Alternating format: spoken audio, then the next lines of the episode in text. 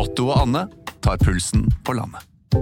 Ja, det gjør vi. Jeg heter Otto Jespersen, og hva var det du het igjen? Jeg heter Anne Grosvold, og hver uke har vi med oss en interessant gjest. Det har vi. Otto og Anne tar pulsen på landet, hører du der du hører podkast. Podkast fra Podplay. Hjertelig velkommen til Alex Rosén reiser til Mars. Velkommen, velkommen! Ja, og dette er da en podkast som renner over av fremtidstro og optimisme. Gode forslag og andre ting som ikke hører inn under noen av de kategoriene. Men er Jeg håper at vi kan gi inspirasjon. Du hørtes litt groggy ut i stemmen der. Ja, jeg har vært litt på fylla. Nei da, jeg har har bare ikke hatt eh, show i dag. Ja, husk at du Jeg har hatt show allerede, og det er før lunsj. Ja, ikke sant? Sånn at du kan konsentrere deg om fylla seinere i dag. Men nei, Ja, Den nei, kan vi konsentrere nei, oss på nå, Pedro. Ja, det var, For nå er vi i gang. Ja, vi er i grunnen det. Og, men du er jo et sånt helse- og kostholdsikon Ja, jeg om har jo veldig, for å kunne reise til Mars, så er det veldig viktig at jeg er i form. Ja, og dette er til stor inspirasjon og irritasjon for oss rundt. At uh, du liksom har, har blitt sånn boundaryless på uh, kosthold, da, og, ja, også, og trim og veldig bra avføring. Ja. Og så går, apropos det, forresten, og tur og trim og går turer og, og trener og Ja, holder nå på, men, spiser jeg bare Uh, proteiner. ja, men det Og ikke mye. Jeg veier det. Jeg har fått egen vekt hjemme på kjøkkenet. ja. Jeg veier alt jeg spiser, og dette her er bare på grunn av at når du skal til Mars, så vil du ha en vekt, og for å unngå at vi skal bruke opp alt drivstoffet på vei ut til atmosfæren, ja. Så er det at jeg har gått ned i vekt. Så tenkte jeg på det ordtaket med å veie sine ord på gullvekt, men det er noe helt annet. Det kan vi ta en annen gang. Men, men det med å gå på tur og sånn En ting jeg lurer på, det er øh, når du går tur i Frognerparken, hvorfor går du og klapper hunder som bæsjer? Det er fordi at eh, disse gamle damene, de får bakoversveis når du begynner å klappe hunden, og så er det så gøy når jeg ser henne i øynene, og hun sier Unnskyld, men min hund bæsjer. og da pleier jeg alltid å si Hva var det de sa, frue? Og det blir noen fantastiske opplevelser. Det er jo høflig. ja, det er jo det. Alex Rosén reiser til Mars.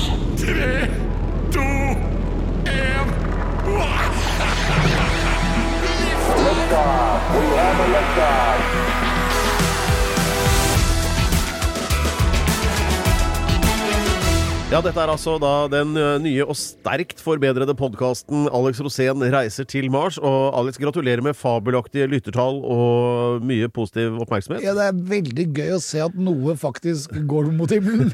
Ja. I og med at vi er på vei mot Mars. Ja. Men hvis jeg er på telefonen, Pedro, Ja. så må du ikke kommentere det. For at det, er bare fordi jeg er på nettet for å sjekke forskjellige ting som researchavdelingen har sendt meg. Hva er det du sjekker akkurat nå, da? Akkurat nå så sjekker jeg øh, hvordan det står til med Elon, da. Ja. Og hva han holder på med. Og han Ja. har jo masse problemer, for han har jo klart å uttale seg om mange ting han ikke har greie på. Ja, der er det litt sånn hele foten i klaveret innimellom. Ja, men for han, har jo, han eier jo ikke sosial intelligens. Nei, sånn han- er det når du er nerd og veldig opptatt av raketter og nettet og biler. Ja. Så er det ikke sånn at du skjønner alltid hvordan sosial omgjengelighet bør uttrykkes. Nei. Nei, altså, det er det du sjekker på telefonen, og, og nei, at Du bør ikke kommentere det, for jeg sitter ikke og surfer porno som du tror. ja, men Det er du som kommenterer det nå, Alex. Det er ikke jeg. Jeg sier ingenting, jeg. Ja, men jeg bare sier fra sånn at du slipper å, å, å prate om det da live. Så, men hvorfor driver du med den telefonen nå? Akkurat. Det var hele poenget, Pedro. Jeg sjekka min egen telefon nettopp, apropos dette med nye, sjekker- nye og sterkt, eh, sterke lyttertall på denne podkasten. Det er jo hyggelig, det. Og da får man jo støttende meldinger fra de rundt, som f.eks. fra min kone her. Da, sånn, ja, kanskje prøv å ikke drite dere ut så mye nå, da. Nei, men ja, Men det som er greia, er at eh, jeg prøver å utvikle meg i forhold til at når vi skal til Mars, så er det masse ting jeg trenger å vite noe om. Ja. Og da for ikke komme med blanke ark på liksom utskytning nummer én, Ja. så er det greit liksom Hvem er Elon? Ja, det er han. Så veit jeg det, ikke sant. Ja, ok. Jeg er, jeg vil råde alle til å følge Elon på, på Twitter. Der er det et fantastisk bilde av Mars som forandrer seg, som blir geomodifisert. Det vil si at eh, Mars blir som jorden. Og det er jo drømmen til Elon, er jo å få til det. Så hvis dere går inn på Twitter og går inn på Elon Musk, så kan dere se det fantastiske bildet. Og til slutt så blir Mars helt lik jorden. Ja, men hva er da poenget? Poenget er at eh, vi skal utvide menneskeheten. Jeg sier som Elon, dette skal gi inspirasjon. We are going out and we're gonna travel among the stars. Stars. Ja, men det, det hørtes jo hjertevarmende og spennende ut. Eh, Og for øvrig, i denne episoden så eh, skal det handle om veldig mye interessant, vil jeg si, altså. Eh, Jeg bare kaster ut noen stikkord, jeg. Tog, jernbane, infrastruktur. Det skal handle om nedgravde Altså det vil si altså gravplassproblematikk. Og litt om Finland, litt om energi, og en god del om Mars og tettsteder. Og har du noe å legge til der, Alex? Ja, jeg vil legge til litt. Jeg vil si det at uh, Dragon, da, som har vært ute nå i, på International Hvem? Space Station Dragon. Det er denne dronen, eller ikke dronen, men proben. Altså, det er dette romskipet som eh, SpaceX kontinuerlig skyter opp til eh, ISS, altså International Space Station, som er denne stasjonen som går rundt jorda. Og, og de kom tilbake for tre dager siden. Da kom de tilbake igjen. Disse gutta de har vært der siden april. Ja. Så det er jo ganske lang tid, da. Ja. Og de kom nå ned og landet i den uken som har gått. For vi prøver jo å være litt oppdatert da i forhold til Mars. Og en del av Mars er jo alt egentlig SpaceX gjør, er jo en slags øvelse, en slags test, for å få sendt oss til Mars. Ja. Så, eh, okay, så Dragon er da en eller annen sånn liten sånn kapsel som Ja, er sånn landa- heisen opp og ned til romstasjonen, det da. Den landa ute i dammen, Dammen. altså Atlanterhavet, Ja. og det gikk bra. ja. Uh, og hva hadde de funnet ut, annet enn at uh, Ja. Nei, De har jo vært der ute kjempelenge. Og så har vel dragen vært litt sånn frem og tilbake. Den har vært der oppe, så har den kommet tilbake, og så har den gått ut igjen for å hente de gutta, da. Ja, ja, ja. Jeg føler liksom det der med å være der oppe sånn Ja, nå er det en eller annen russer eller en ukrainer Eller nei, de er jo ikke der samtidig, forresten. Men, eh, men altså noen folk da som er på denne ISS-stasjonen, da, sånn i månedsvis av gangen og buhu og sånn. Men det blir jo litt som de gamle uh, utforskerne. Altså britiske imperialister ofte, da, sant, som fant seg sånne steder nede i eh, på ja, eksempel østkysten av Afrika, hvor det kan være ganske hyggelig. Eh, og sende brev hjem. Ikke? Sånn eh, Nei, nå utforsker vi som bare det her, og jeg kan ikke komme hjem i år heller, send mer penger. Og så sitter de egentlig bare på verandaen på et svært herskapshus med 2000 tjenere og et lass med gin i kjelleren og egentlig bare slapper av. Og er det ikke litt sånn det samme da på ja, og, da, og da uten å finne ut noe særlig. Og så, sånn er det også med disse på ISS. De er bare er der, de gjør jo ikke noe. Jo, de, de regner ut ting. ja, men Du trenger ikke å dra til den internasjonale romstasjonen for å regne ut Jo, men de må jo drive med forskning, for der er du jo i verdensrommet, så du kan jo kontinuerlig finne ut hva er det som skjer her. Ja, ok. Uh, og, det, og hva er det som skjer? Det er jo masse som skjer. Det siste som har skjedd nå, er jo, og det har også skjedd i uken som har gått, at det har blitt skutt ut flere raketter med Starlink. Ja. Og det som er helt utrolig der, er jo at nå skal jo Starlink bli helt verdensomspennende. Vi har fått det i Oslo. ja. I Sarpsborg så fikk de det jo for over en måned siden. Jeg tror vi skal bare ta med for eventuelt nye lyttere hva Starlink er. Starlink er et verdensomspennende internett som kommer fra satellitter og ikke bredbånd. Ja. Det er fem ganger raskere eh, via satellitt, for det slipper å gå i bånd. Ja. og fem ganger dyrere. Ja, men du kan jo ta og velge flere kunder. Altså hvis du er flere fami i familien, og hvis du er over tre eller noe, Ja. så vil det lønne seg å være på Starlink. Ja, ok. Uh, fine greier. Om litt, uh, litt om tog. Sånn, da er vi tilbake igjen, Pedro. Ja, det er vi, rett og slett. Ja. Ja, hyggelig. Er det noe du du lurer på? Uh, jeg lurer på hva du hadde tenkt å spørre om. Jeg, ikke, jeg skal ikke spørre, jeg skal bare bekrefte ting. Jaha. Og det jeg har tenkt å bekrefte nå, er hvor mange mennesker det er i verdensrommet akkurat nå. Alex, hvor mange mennesker er det i verdensrommet akkurat nå? Ti. Ja. Ti stykker. Det er Kyla Baron. Hun har vært der i 342 dager. Matheus Maurer, han har vært der i 342 dager. Thomas Marshburn har vært der Marshburn, ja, det er bra. ja, han har vært i 342 dager. Raya Chari og så en hel haug med folk. da som Ja. Og så faktisk tre kinesere. Ja. Ye Guangfu, Wang Yaping og Sai Sigang. Er det, er det sånn at det er lov å le av kinesiske navn ennå fordi de er litt sånn gøyale? Ja, Eller er det Det, er, det er masse morsomme russiske navn her Og Oleg Artemiev. Han har vært der ute lenge. Ja. Og Dennis Matvevev. Ja. Og Sergej Korsakov. Det høres jo ut som noen du ikke har lyst til å kjøpe en bil av. De har vært ute i verdensrommet i 579 Å, dager. helvete. og da tror jeg faktisk, når de har vært her så lenge, det er over et år, da. Så da begynner de å få muskelsvinn. Det er helt sikkert. Men eh, ja, ja.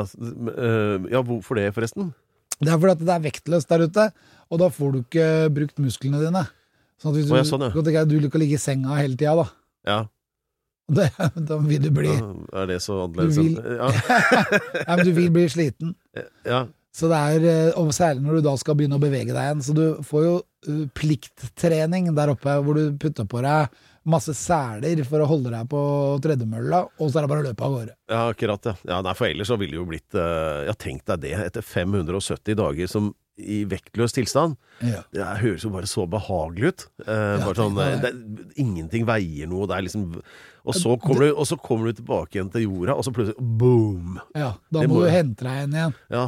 Og da har du kort tid. ja. For du må jo komme deg fort. Men de, du ser jo det, de blir jo båret ut av, eh, av disse farkostene de lander med. Ja. De klarer ikke engang å gå ut av den. Nei, men også tenker jeg også sånn, Hva med blodomløpet? For at det, det trenger jo heller ikke å forholde seg til eh, gravitasjon ikke sant? når det er i verdensrommet. Og så skal det plutselig Så samles da alt blodet i føttene, da? Eller, Nei, det samler seg litt rundt omkring. det, vil jo, for at det vil jo ikke gli ned i føttene, det vil jo være rundt, sen- sen- sentrert rundt midten. ja. Og så vil det gli litt rundt, da. Sånn, Ja. så, helt, Det blir jo pumpa ut alt, såpass. alt blir ikke pumpa i føttene. Det er jo her på jorden det blir det. Eh, Ja, det, det blir det eldre. Ja. så ødelegger det også disse her eh, blodårene som holder igjen blodet på vei oppover i beina igjen. Så blir de slitne, og så får du enda mer blod i føttene. ja, da takker vi doktor Alex Rosén for redegjørelsen. Eh, nå skulle nå har vi få, eh, har et sånt, eh, en sånn kjøreplan her hvor det står at eh, det er problem med togene. Ja. Jeg tenkte kanskje det var Her noe du Hva dreier det seg om? Eh, Det er, det er problemet med at de togene ikke klarer å holde tiden. Men det problemet kan vi faktisk løse Hvordan da? ved at vi bygger hyperloop i hele Norge. Ja. For da vil vi slippe tog, du vil slippe fly. Altså Hyperloop er da et undersjøisk tunnelsystem som skal være på Mars. ja. Når vi kommer til Mars, så skal vi reise f.eks. fra den ene byen på Mars til den andre byen, da, i og med at det skal bygges to byer der. Ja. Så kan vi ta hyperloop. Og det fungerer på følgende måte at enten så kjører du en buss eller en bil inn i hyperloop. Ja. Vips, så putter de en liten metallkloss under bilen din, og så flyr du øh, via en magnetisk liten øh, sak som holder deg da unna gulvet, Ja. og så begynner du å dra opp i fart. Og dette her kan gå like fort som strømmen. Luften rundt deg er med. Det er null uh, CO2-utslipp, fordi alt skal drives av solcellepaneler og batterier. Og så bare drar du oppover i fart, og du kan komme opp i 4000 km i timen Oi, inni det tunnelsystemet. Men er det ikke sånn der vakuum Altså det gamle rørpostsystemet, sånn at du bare sånn lukker inni en sånn kapsel, og så er det bare sånn og så, Ja, boff, så er du i nabobyen. Ja, det er Ja. akkurat sånn det er. Ja. Og det som er greia nå, er at nå begynner folk å mase om dette toget, da, om og om igjen. Og nå har de lyst til å bygge tog også, fra Fauske til Tromsø. Og så skal de sprenge masse fjell og lage masse togspor, så jeg sier glem det. La oss ta skrittet inn i fremtiden. La oss bygge hyperloop. Jo, men en ting jeg tenker på hør, hør nå. Ja. Du kunne bygd hyperloop her ute. Da hadde du kjørt ut fra operaen. Der er det en veldig fin bakke ned til vannet. Der er tunnelåpningen. Vips, så er du i gang. Og da kan du også ligge i 4000 km i timen. Det ville vært herfra da til Kirkenes på 20 minutter. Og da kan du spise lunsj i Kirkenes, så kan du dra tilbake igjen. Ja. Er det noe god lunsj å få i Kirkenes? Veldig god. De har fått et helt nytt uh, hotell der, helt oh, ja. nede ved vannet. Serverer eksemplarisk lunsj. Og skal dere tenke litt som meg, da, som skal til Mars, så må dere tenke på vekta. Og da må dere spise proteiner. Ja. Og så ikke spis så veldig mye. Spis en lunsj og en middag, og så that's it. Ja, Ikke nødvendigvis i Kirkenes, men ja. Eh, Så, men det jeg tenkte på med de der hyperloop-greiene, og det jeg ser for meg da, det er jo sånne eh, tunneler som da ligger nede i vannet, eller hvor det er, hvor? Hvor, hvor disse kapslene du da sitter i eh, sånn Det er bilen din. Ja. Tesla Men- men er jo bygd for dette. Ja, ja, drit i Tesla et øyeblikk. Uh, så uh, poenget mitt da er at de vil jo være utsatt for saker og ting, og nå, det siste nå var jo disse gassrørledningene, Nord Stream og hva de heter for noe, disse som har blitt sprengt borti Østersjøen, vet du. Ja. Det, nå fant jo disse eh, som har vært nede og sjekka at det er 50 meter av de gassrørledningene er bare sprengt vekk med eksplosiver, så det er jo åpenbart noe. Og hva da når du er i en sånn greie som går i 4000 km i timen? Og så sprenger de det. Ja, det er det jeg tenker på. Sånn Ja. synkemin... sant, det er- Du er utsatt for terror, er ikke Og det? da er det viktig at, du, at de skyter deg i det systemet eh, i en ubåt. Sånn at hvis de blir sprengt, så, Ja. så vips, så er du bare i vannet. Ja, men det skal jo ikke rare krasjen til i 4000 km før du begynner å kjenne det. Vi får håpe at de skifter ut uh, lederen sin i Russland, sånn at det er mulig å, å forholde seg til Russland som et normalt land, og ikke som en sånn pariastat. Ja. Akkurat det tror jeg er løsningen på veldig mye om dagen, og nettopp det du sa der, å skifte ut han. Ja. Han er jo psykopat, i hvert fall sånn som jeg har kjent psykopater før, så minner han meg om en eks. Nå veit jeg at jeg ikke skal spørre mer. Dette er Alex Rosén reiser til Mars, eh, et eh, prosjekt og en podkast som dreier seg om å redde verden, og intet mindre. eh, Noe Alex har påtatt seg å ta ansvaret for. Og uh, i påvente av uh, avreisen til Mars, så er det ting å fikse her hjemme. Og det skjer jo ting i verden, og er vi på vei inn i en uh, ny kald krig? Ja, men den kalde krigen har vært der litt egentlig hele tiden, med unntak av når Jeltsin var der. For at Jeltsin han var jo helt kald, holdt jeg på å si. Han var jo ikke edru, da. Nei, det, Og da, sant, når du er litt sånn på snurr hele tida, så er det jo mye mildere. Da bl- blir det ikke krig. jeg husker han dansa med Nancy Reagan oppe på den flyplassen. Ja, jeg husker han dansa med Sonja òg, jeg. Han dro en det er mye hyggeligere, da. en liten kalinka. Nei, men det er det der at eh, Vi trodde liksom alt var fiksa da Berlinmuren eh, falt, og at eh, da var det bare å slappe av, liksom. Men det viser seg at det var jo ikke det. Og vi må jo huske det at det er jo ting fra den forrige kalde krigen som fremdeles påvirker livene våre mye. Og det er jo folk fremdeles i Vesten som eh, blir påført daglige traumer som er direkte årsak av at eh, muren falt. Da tenker jeg særlig på den Scorpions-sangen, den 'Winds of Change'. Oi, ja, du tenker Ja. på den, ja. Jeg får jo helt uh, mageuro av, av den plutselig. Wind of change, la-la, la-la. Så- la la. Så vi, vi opplever jo lidelse den dag i dag på grunn av det der. Ja. det var jo et helvete. Ja, det var det. Nei, men uh, nå uh, Hva var det vi prata om, egentlig? At uh, jo, at alle går og er litt nervøse ikke sant? for at det skal brake løs. Hva tenker du?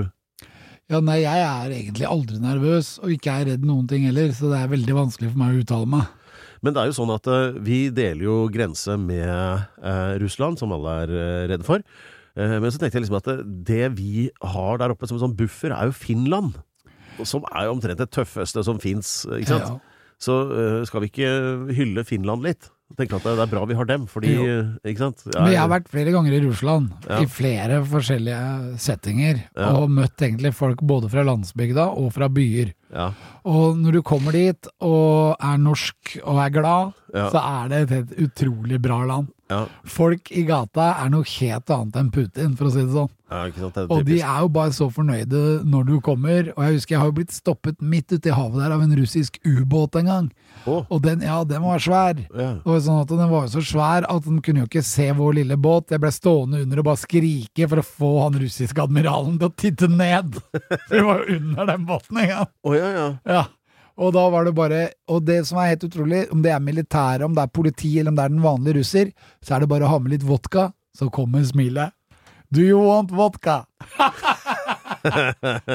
det, vodka det betyr det samme på norsk som på russisk, så da er det bare å helle løs.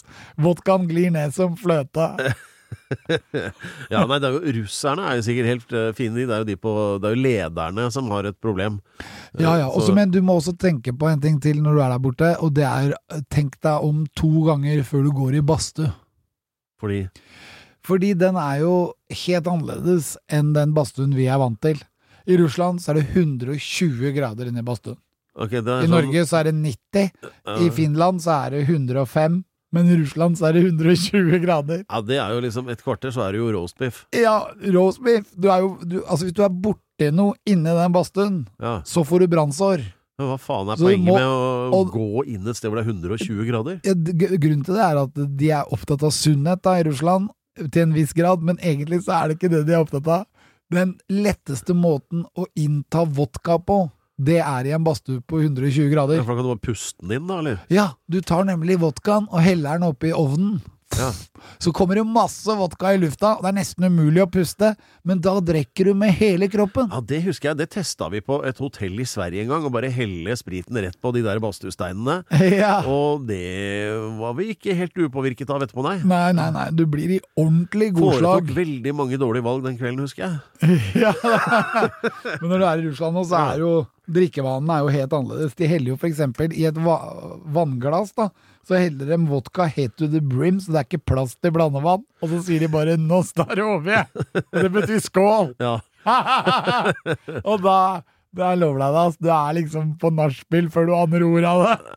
Nei, men eh, Det var deilig Alex, å få en liten redegjørelse for den russiske folkesjela, som eh, du ga et veldig malerisk bilde av der.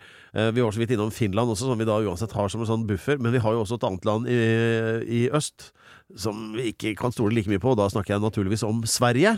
Ja, Eh, Sverige er Fordi det Sverige stort sett har gjort opp gjennom åra, er å prøve å rappe det vi har i Norge, eventuelt hele landet, ikke sant? Ja, I utgangspunktet så er Sverige et stort problem. Ja, La oss eh, redegjøre for det, men eh, først så spisser vi blyantene. Straks tilbake.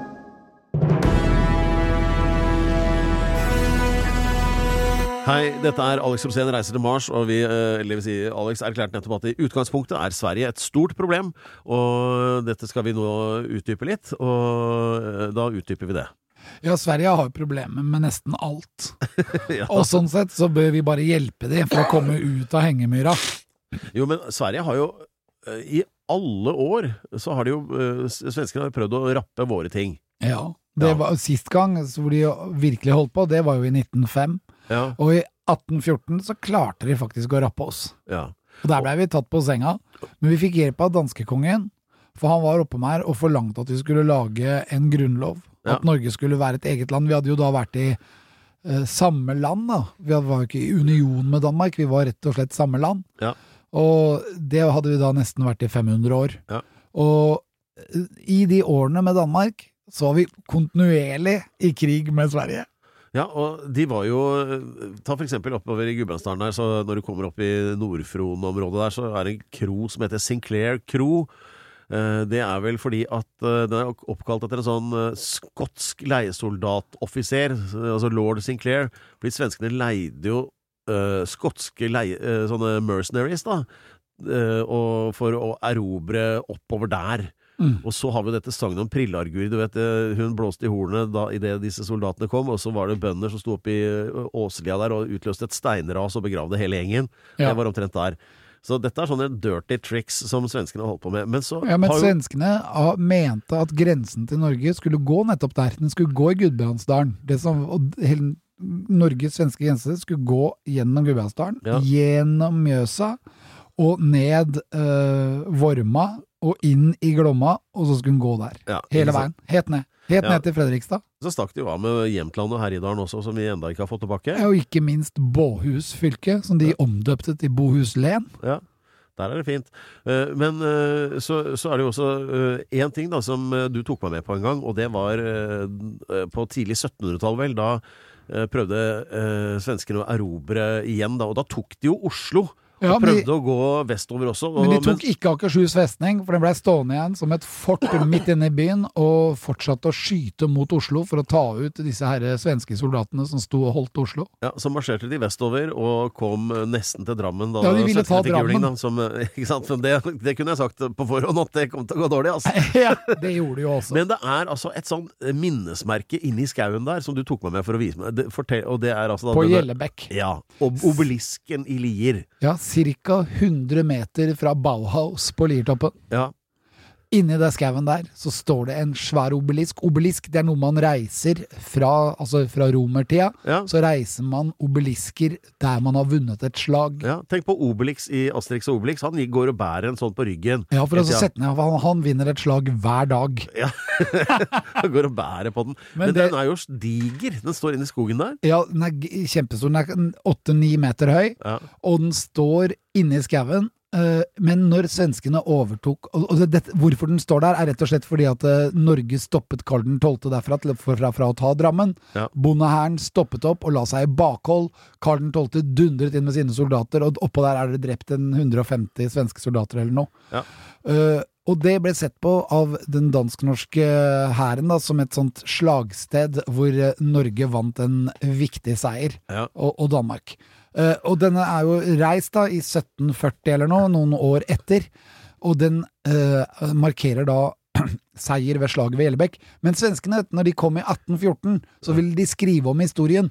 Så da skrev de om det sånn at eh, den obelisken ble reist der fordi kongen av Danmark var der og plukket stein. ja, Fredrik 5. var på sånn industribesøk på det Ja, og det tror de i Lier kommunekontor ennå! Ja. Så jeg måtte jo ned der og holde en tale. Ja, Hør nå her! Og det var så bra når jeg kom dit for å gi informasjon om obelisken oppe på Liertoppen. Ja. Så bare sånn, Da ryddet de alle papirene vekk og bare satte seg i kø, og så sa de fortell.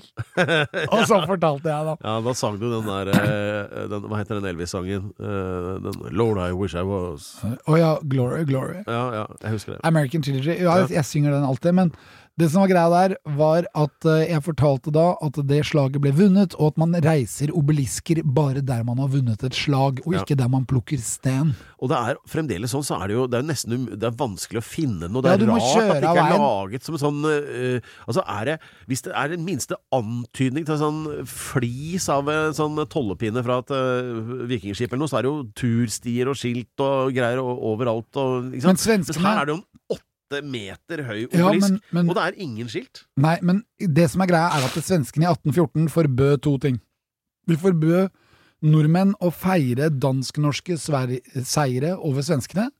Og derfor ble dette, denne obelisken pakket inn av trær. Så første gang jeg fant den, så var jo ikke den gang ryddet rundt den. Nei. Han sto ved siden av et grantre som hadde vokst seg rundt denne obelisken. Ja. Men det vi ikke fikk lov til, det var å gå i 17. mai-tog, eller eh, feire dansk-norske seire over svenskene. Og det varte jo fra 1814 til 1905, det er jo nesten 100 år. Ja. Og da er det jo flere generasjoner som opplevde det at vi må jo absolutt ikke feire dansk-norske seire over svenskene. Så det bare forsvant. Ja. Det ble borte.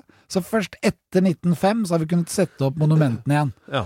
Mens historien om obelisken på Lirtoppen Jeg råder alle til å gå og besøke den. Jeg blir helt øm i hjertet når jeg går ut dit, for Ja. jeg tenker sånn dette er grunnen til hvorfor jeg var i militæret. Dette er grunnen til hvorfor jeg passet på kongen i Hans Majestet Kongens Garde. Dette er grunnen til hvorfor jeg var personlig livvakt for Märtha Louise. ja. Og så er det pinlig for svenskene. Det liker jeg best. Ja, det er jo det, for det var jo et stort tap. Det som var konsekvensen av slaget ved Elbek, var jo at eh, Karl 12. trakk seg helt tilbake til Svinesund Ja. med alle sine soldater og avlyste 1716-ekspedisjonen, eller uh, Conquestadore. Ja. Altså invasjonen. Og det kom ikke en ny invasjon før to år etterpå, og den ble jo også kuttet veldig hardt av. Og at kongen da mistet livet sitt på Fredriksten festning i Halden. Ja, og han var jo liksom den tidens Putin, han egentlig, Karl 12. Han var vel den tidens Hitler, vil jeg si. Ja. Han var den første til å angripe Russland med det målet for øye å okkupere Russland for svenskene. Da ville jo Sverige utvide Kjempe, sin, Kjempeidé. ja, sitt, sitt Lebensraum. Ja. Det neste som gjorde det 100 år etterpå, det var Napoleon. Og 100 år etter der igjen Hitler. Så det er i den tradisjonen vi må se på svenskene, og kanskje da spesielt Karl 12. Så det, er, det vil si at det er ca. 100 år siden sist, og nå er det snart en ny en på gang fra Sverige, da, tenker Ja, du? da lurer vi på hvem er det? Hvem er det som dukker opp? Blir det Bjørn Skifs? Det tror jeg. Dette er Alex Rosén reiser til Mars, og det skal han. Og i mellomtida så farter han rundt på ulike steder her på, på vår hjemplanet, da. Som for eksempel, nå så jeg jo det her eh, tidligere, eller altså helga som var, at du var og hadde vært på Marienlyst, eller altså på NRK igjen, da. Vår gamle stomping ground. Eh, eh, på eh, Else Kåss sitt artige lørdagsprogram. Ja, jeg har Var jo der og gjorde deg til. Det at jeg skal til Mars, har jo ikke gått upåaktet hen. Nei, det, folk har fått med seg dette her. Så folk vil gjerne vite hva er planen, når er det jeg drar, hva skal jeg gjøre, skal jeg la familien være igjen her, kommer jeg tilbake? Altså det er så mye spørsmål, og det er Ja. veldig vanskelig å svare på det. Men var det koselig å være innom NRK igjen, eller? Ja, veldig koselig, for jeg har jo akkurat kommet ut med en bok som heter øh, øh, Aksjeskolen, Ja, ja. som handler om øh, hvordan investere på børsen uten å tape penger. Ja. Og da måtte jeg fortelle om det også, for alt dette her henger jo sammen. Det dreier seg om å skape noe som kan være til glede for andre. Samtidig så skal vi redde jorden fra global overoppheting, og alt dette her fortalte jeg om. Ja. Og det å komme opp dit Jeg møtte jo May-Britt Andersen. Å få lov til å møte May-Britt Andersen, det bare tenker jeg på ja, hun, hun med barnesangene? ja, søsteren til Inger-Lise Rypdal. Ja, riktig. Og når hun Altså, jeg blir jo bare i sånn koselig humør bare jeg ser henne. Hun er så mildt vesen, så fantastisk kvinne. Ja. Og jeg ble sittende og snakke med henne backstage. Og så kom Chris Holsten, han var jo også med. ja. Og når jeg da fikk lov til å knytte unge generasjonen med den gamle, og liksom være imellom dem Det var jo bare en sånn opplevelse som ja. er helt utrolig. Og når da Else Kåss også kommer, og hun er i så bra humør, så blir det så på en måte Jeg, jeg liker ikke å bruke ordet, men jeg vil kalle det koselig. ja. ok. Eh, Så det var jo helt fantastisk, sånn som NRK alltid er. NRK er jo et sånt lite lykkereir for oss som tenker annerledes. Ja, det er, jo, det er jo hyggelig der, men det ender jo vanligvis med at du får sparken. Det har jo skjedd 13 ganger. Ja, det ender det med, eller at jeg havner på fylla. Ja. Så, Så hvilken av de var det denne gangen? Jeg fikk fylla i gave, så derfor så kan jeg vente med det. Ok, så, Nei, men det var, det var, det var kjempe, kjempegøy, og jeg fikk fortalt masse forskjellige historier om, eh, om mitt liv, Ja. og hvor, hva som ligger nå i kortene før vi drar til Mars. Hvor nervøs jeg er. Ja. Og også dette her med at jeg Men prøver hva, å hva sa du nå? Er du nervøs? Den var helt ny for meg. Ja, nei, men jeg, er jo, jeg lider jo av reisenerver uansett hvor jeg skal. Gjør du? Når jeg skulle til Nordpolen, så dro jeg til Jerusalem bare for å kanskje treffe Jesus. Og dro ned dit og opplevde veldig mye, og var i alle kirkene og alt det som finnes der. Jeg var i fødselskirken og dødskirken. Ja. Og, og når jeg nå skal til Mars, så må jeg jo igjen også da oppleve noe av det som Da tenker jeg vel egentlig å reise ned til Nepal eller noe. Ja. Jeg bare slo meg nå at eh, det er jo ikke Selv med beste intensjoner, så kan det gå på dunken i Jerusalem også. Husker du da vi var der, og så fikk vi den gode ideen å, å kle en bil i koteletter? Ja, nei, Det som var greia, var at det var jo Vi skulle rette en bil. Jeg Ja. var jo veldig misfornøyd med hva vi fikk. Av, av Fordi. NRK skal alltid eh, leie det billigste. ja. Og så fikk vi en rusten sånn derre gelendevagen i sånn bussutgave. varebil Ja, varebil. Ja. Og den var jo så jævlig. Og da ble jeg forbanna. Så jeg at vi skal få ratcar, så må vi jo rette den skikkelig opp. Og hva er det du trenger da? Jo, da trenger du råttent kjøtt. Ja, det Og det råtne kjøttet må da enten puttes mellom sylinderne, kanskje litt også på hengefestet, og bruke også eksosanlegget. Ja, Jeg husker jeg fikk to øh, oksetestikler ja. som jeg hang bak på hengefestet. Men det verste av alt var at jeg blei jo sjuk av det, vet du. For det var jo 40 varmegrader der, og det råtne kjøttet fikk jo da litt fart på seg, kan Ja, du se. det lukta ikke ble så jo, bra, nei. nei, det lukta noe så jævlig. Men bilen så veldig tøff Og- ut, da. Ja, den ser tøff ut, men det blir den. Men jeg husker at vi tok og putta sju kilo kjøttdeig nedi motoren.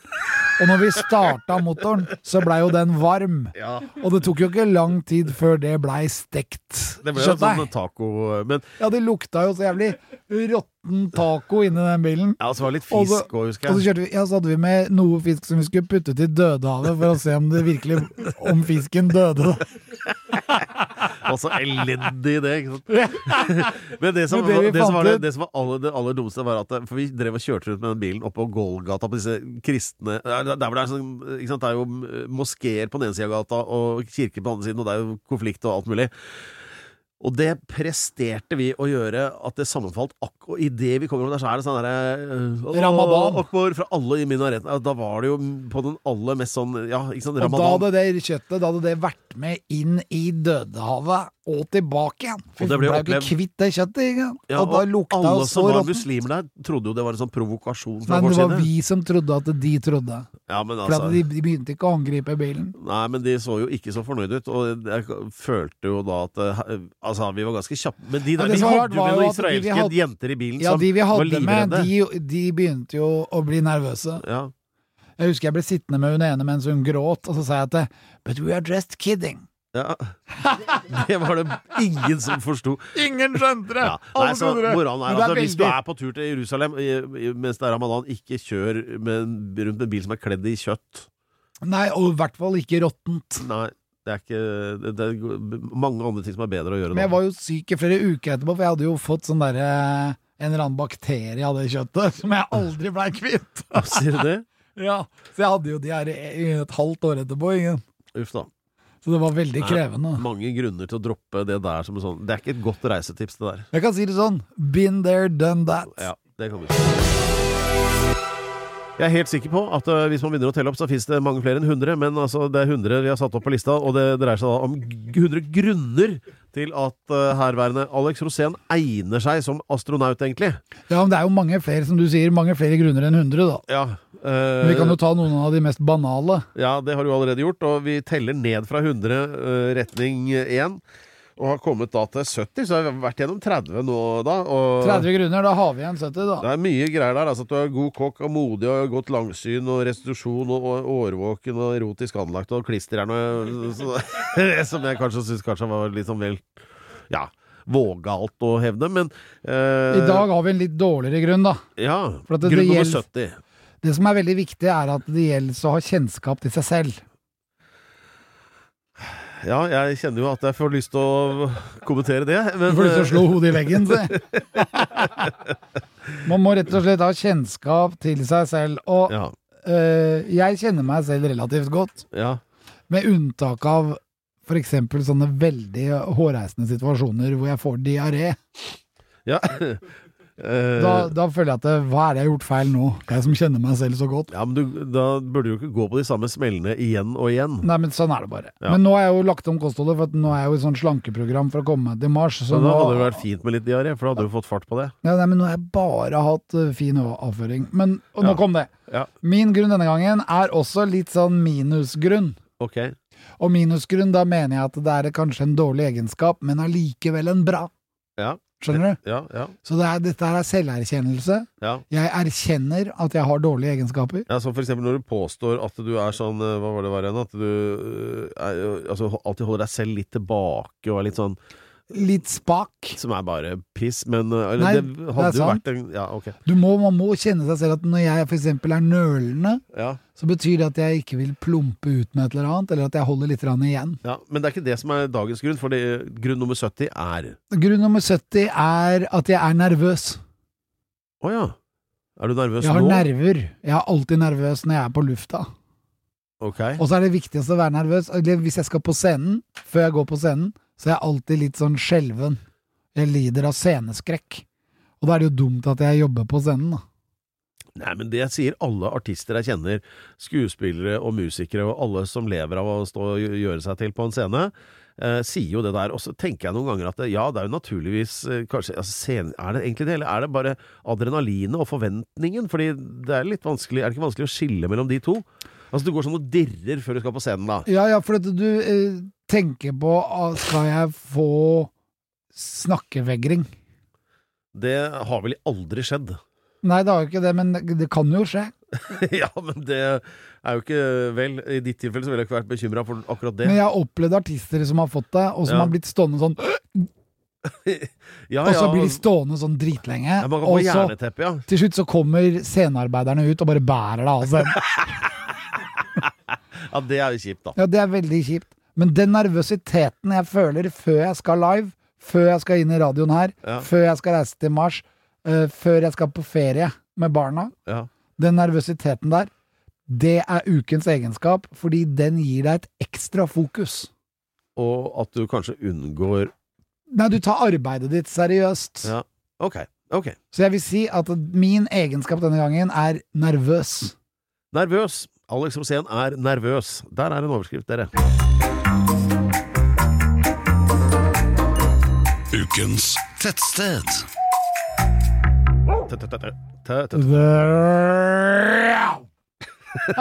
Det var helt ny jingle. Tettsted. Og la meg forklare. hver uke så kårer Alex ukens tettsted. Og grunnen til det er jo altså For det første så finnes det veldig mange flotte tettsteder i Norge. Eh, Alex reiser mye rundt og faller eh, med hyppige intervaller i, altså, i dyp eh, sånn kjærlighetsforhold med disse stedene. da.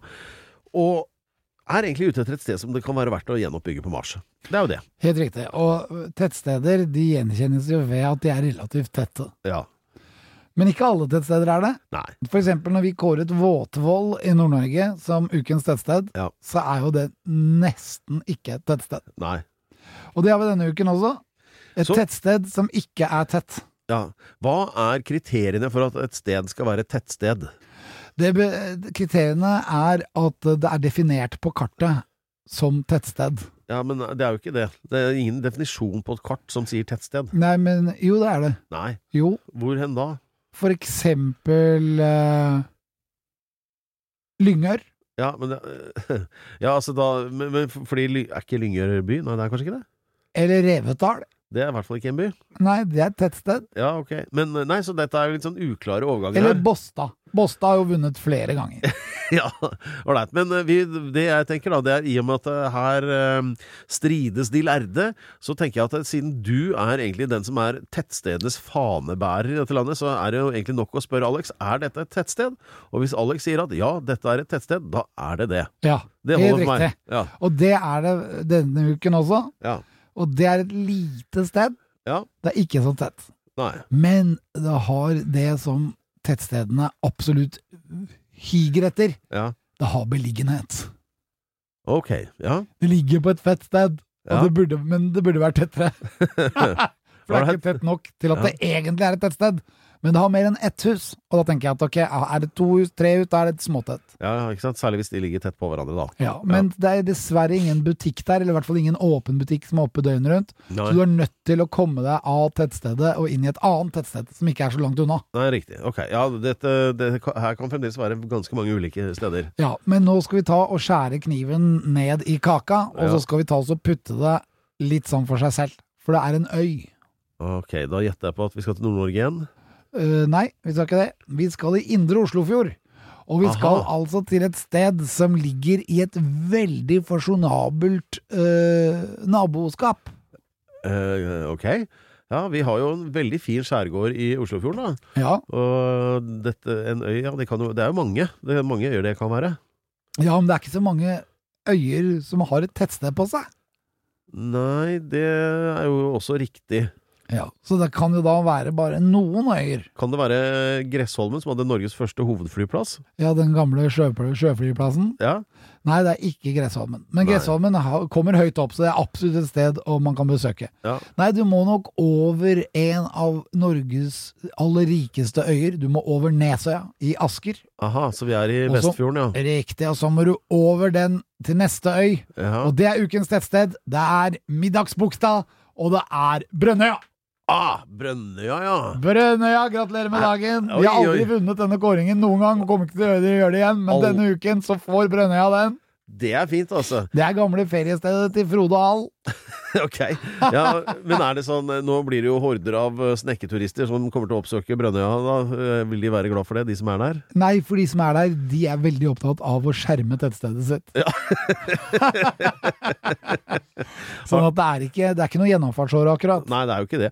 Det er veldig, veldig fint, da. Og, men har du noen opplevelser fra Brønnøya du vil dele? Ja, mange, for eksempel da jeg ble plukket opp av sjukebåten etter å ha dette i vannet der, fordi det, når jeg datt uti vannet der, det var på 70-tallet, Ja. og da ble man ansatt som sjuk hvis man bada. ja for, Så jeg ble rett og slett plukka opp, ja. lagt på båre og kjørt rett til Bærum sjukehus. ja.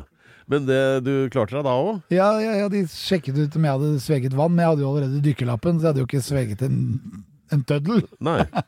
Men- så det var jo da Da var den gangen jeg datt i vannet, ble sendt til sjukehuset, men var frisk. Ja. Men Brønnøya det er jo altså en sånn liten klump av idyll. Men eh, det er jo sikkert De har jo sikkert sitt å stri med der òg. Ja, det har de. De får jo aldri innlagt vann. Nei. Eller de har kanskje vann, men de har i hvert fall ikke kloakk. Så de må jo ha en liten sånn De må jo ha en ferge som kommer ut og tømmer dassen innimellom. Går de der små rutebåtene dine, Rigmor og Rigfar og Rigmor og Rigfar kjører rundt det og ordner opp. Ja, ja, ja. Nei, så Så- det går an å dra til f.eks. Sandvika. Da, ta, det, det, er små sånne knøtte, sånne Ja. Og ta en tur der, gå en tur der ute, og kos dere om sommeren, så ser dere i hvert fall is på brygga. Så da er det jo i hvert fall en liten butikk da, som er oppe midt på dagen. Ja, den er der enda. Den Nei, det er ikke butikk, det er bare kiosken. en båt, men du må bare gå bort til den båten og så kjøpe en is. Ja, Herlig. Brønnøya. Brønnøya, Endelig sted ukens tettsted. Yeah! Pedro. ja, takk. Ja, nei, jeg ble bare litt sånn uh, varm i hatten av uh, det der, den kåringen av Brønnøya, fordi da savner jeg sommeren med en gang, vet du, når du begynner å snakke om det, ikke sant, ute i fjorden der, og akkurat nå når det begynner å bli sånn kaldt og kjipt, og Ja, det er mye kos. har begynt å uh, frese opp eh, temperaturen i eh, kåken, og liksom, det, du vet sånn, når du står opp nå om dagen, så er det sånn, trekker dyna sånn helt opp til haka, sånn der, øh, sånn. Men da, når du da drar den opp, så kommer tærne utenfor på, i andre enden igjen, og da blir det liksom kaldt der, og så får du liksom ikke dekka alt helt Ja, man til. Man pleier jo ikke å sove med tæra utafor.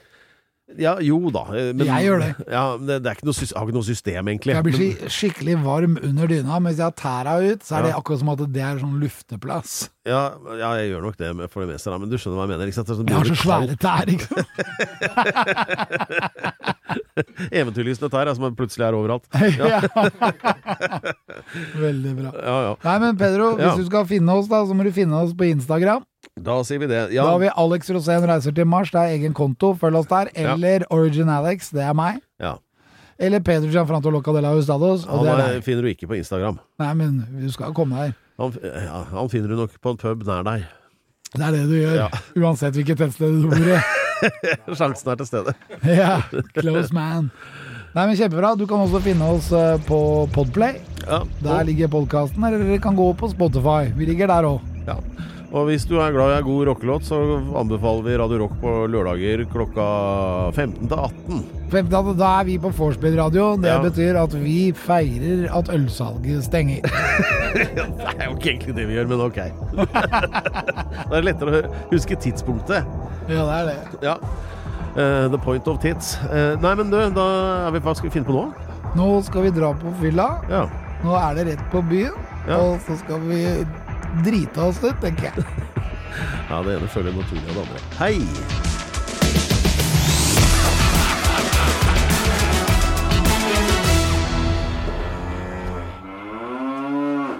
Du har hørt en podkast fra Podplay. En enklere måte å høre podkast på. Last ned appen Podplay, eller se podplay.no.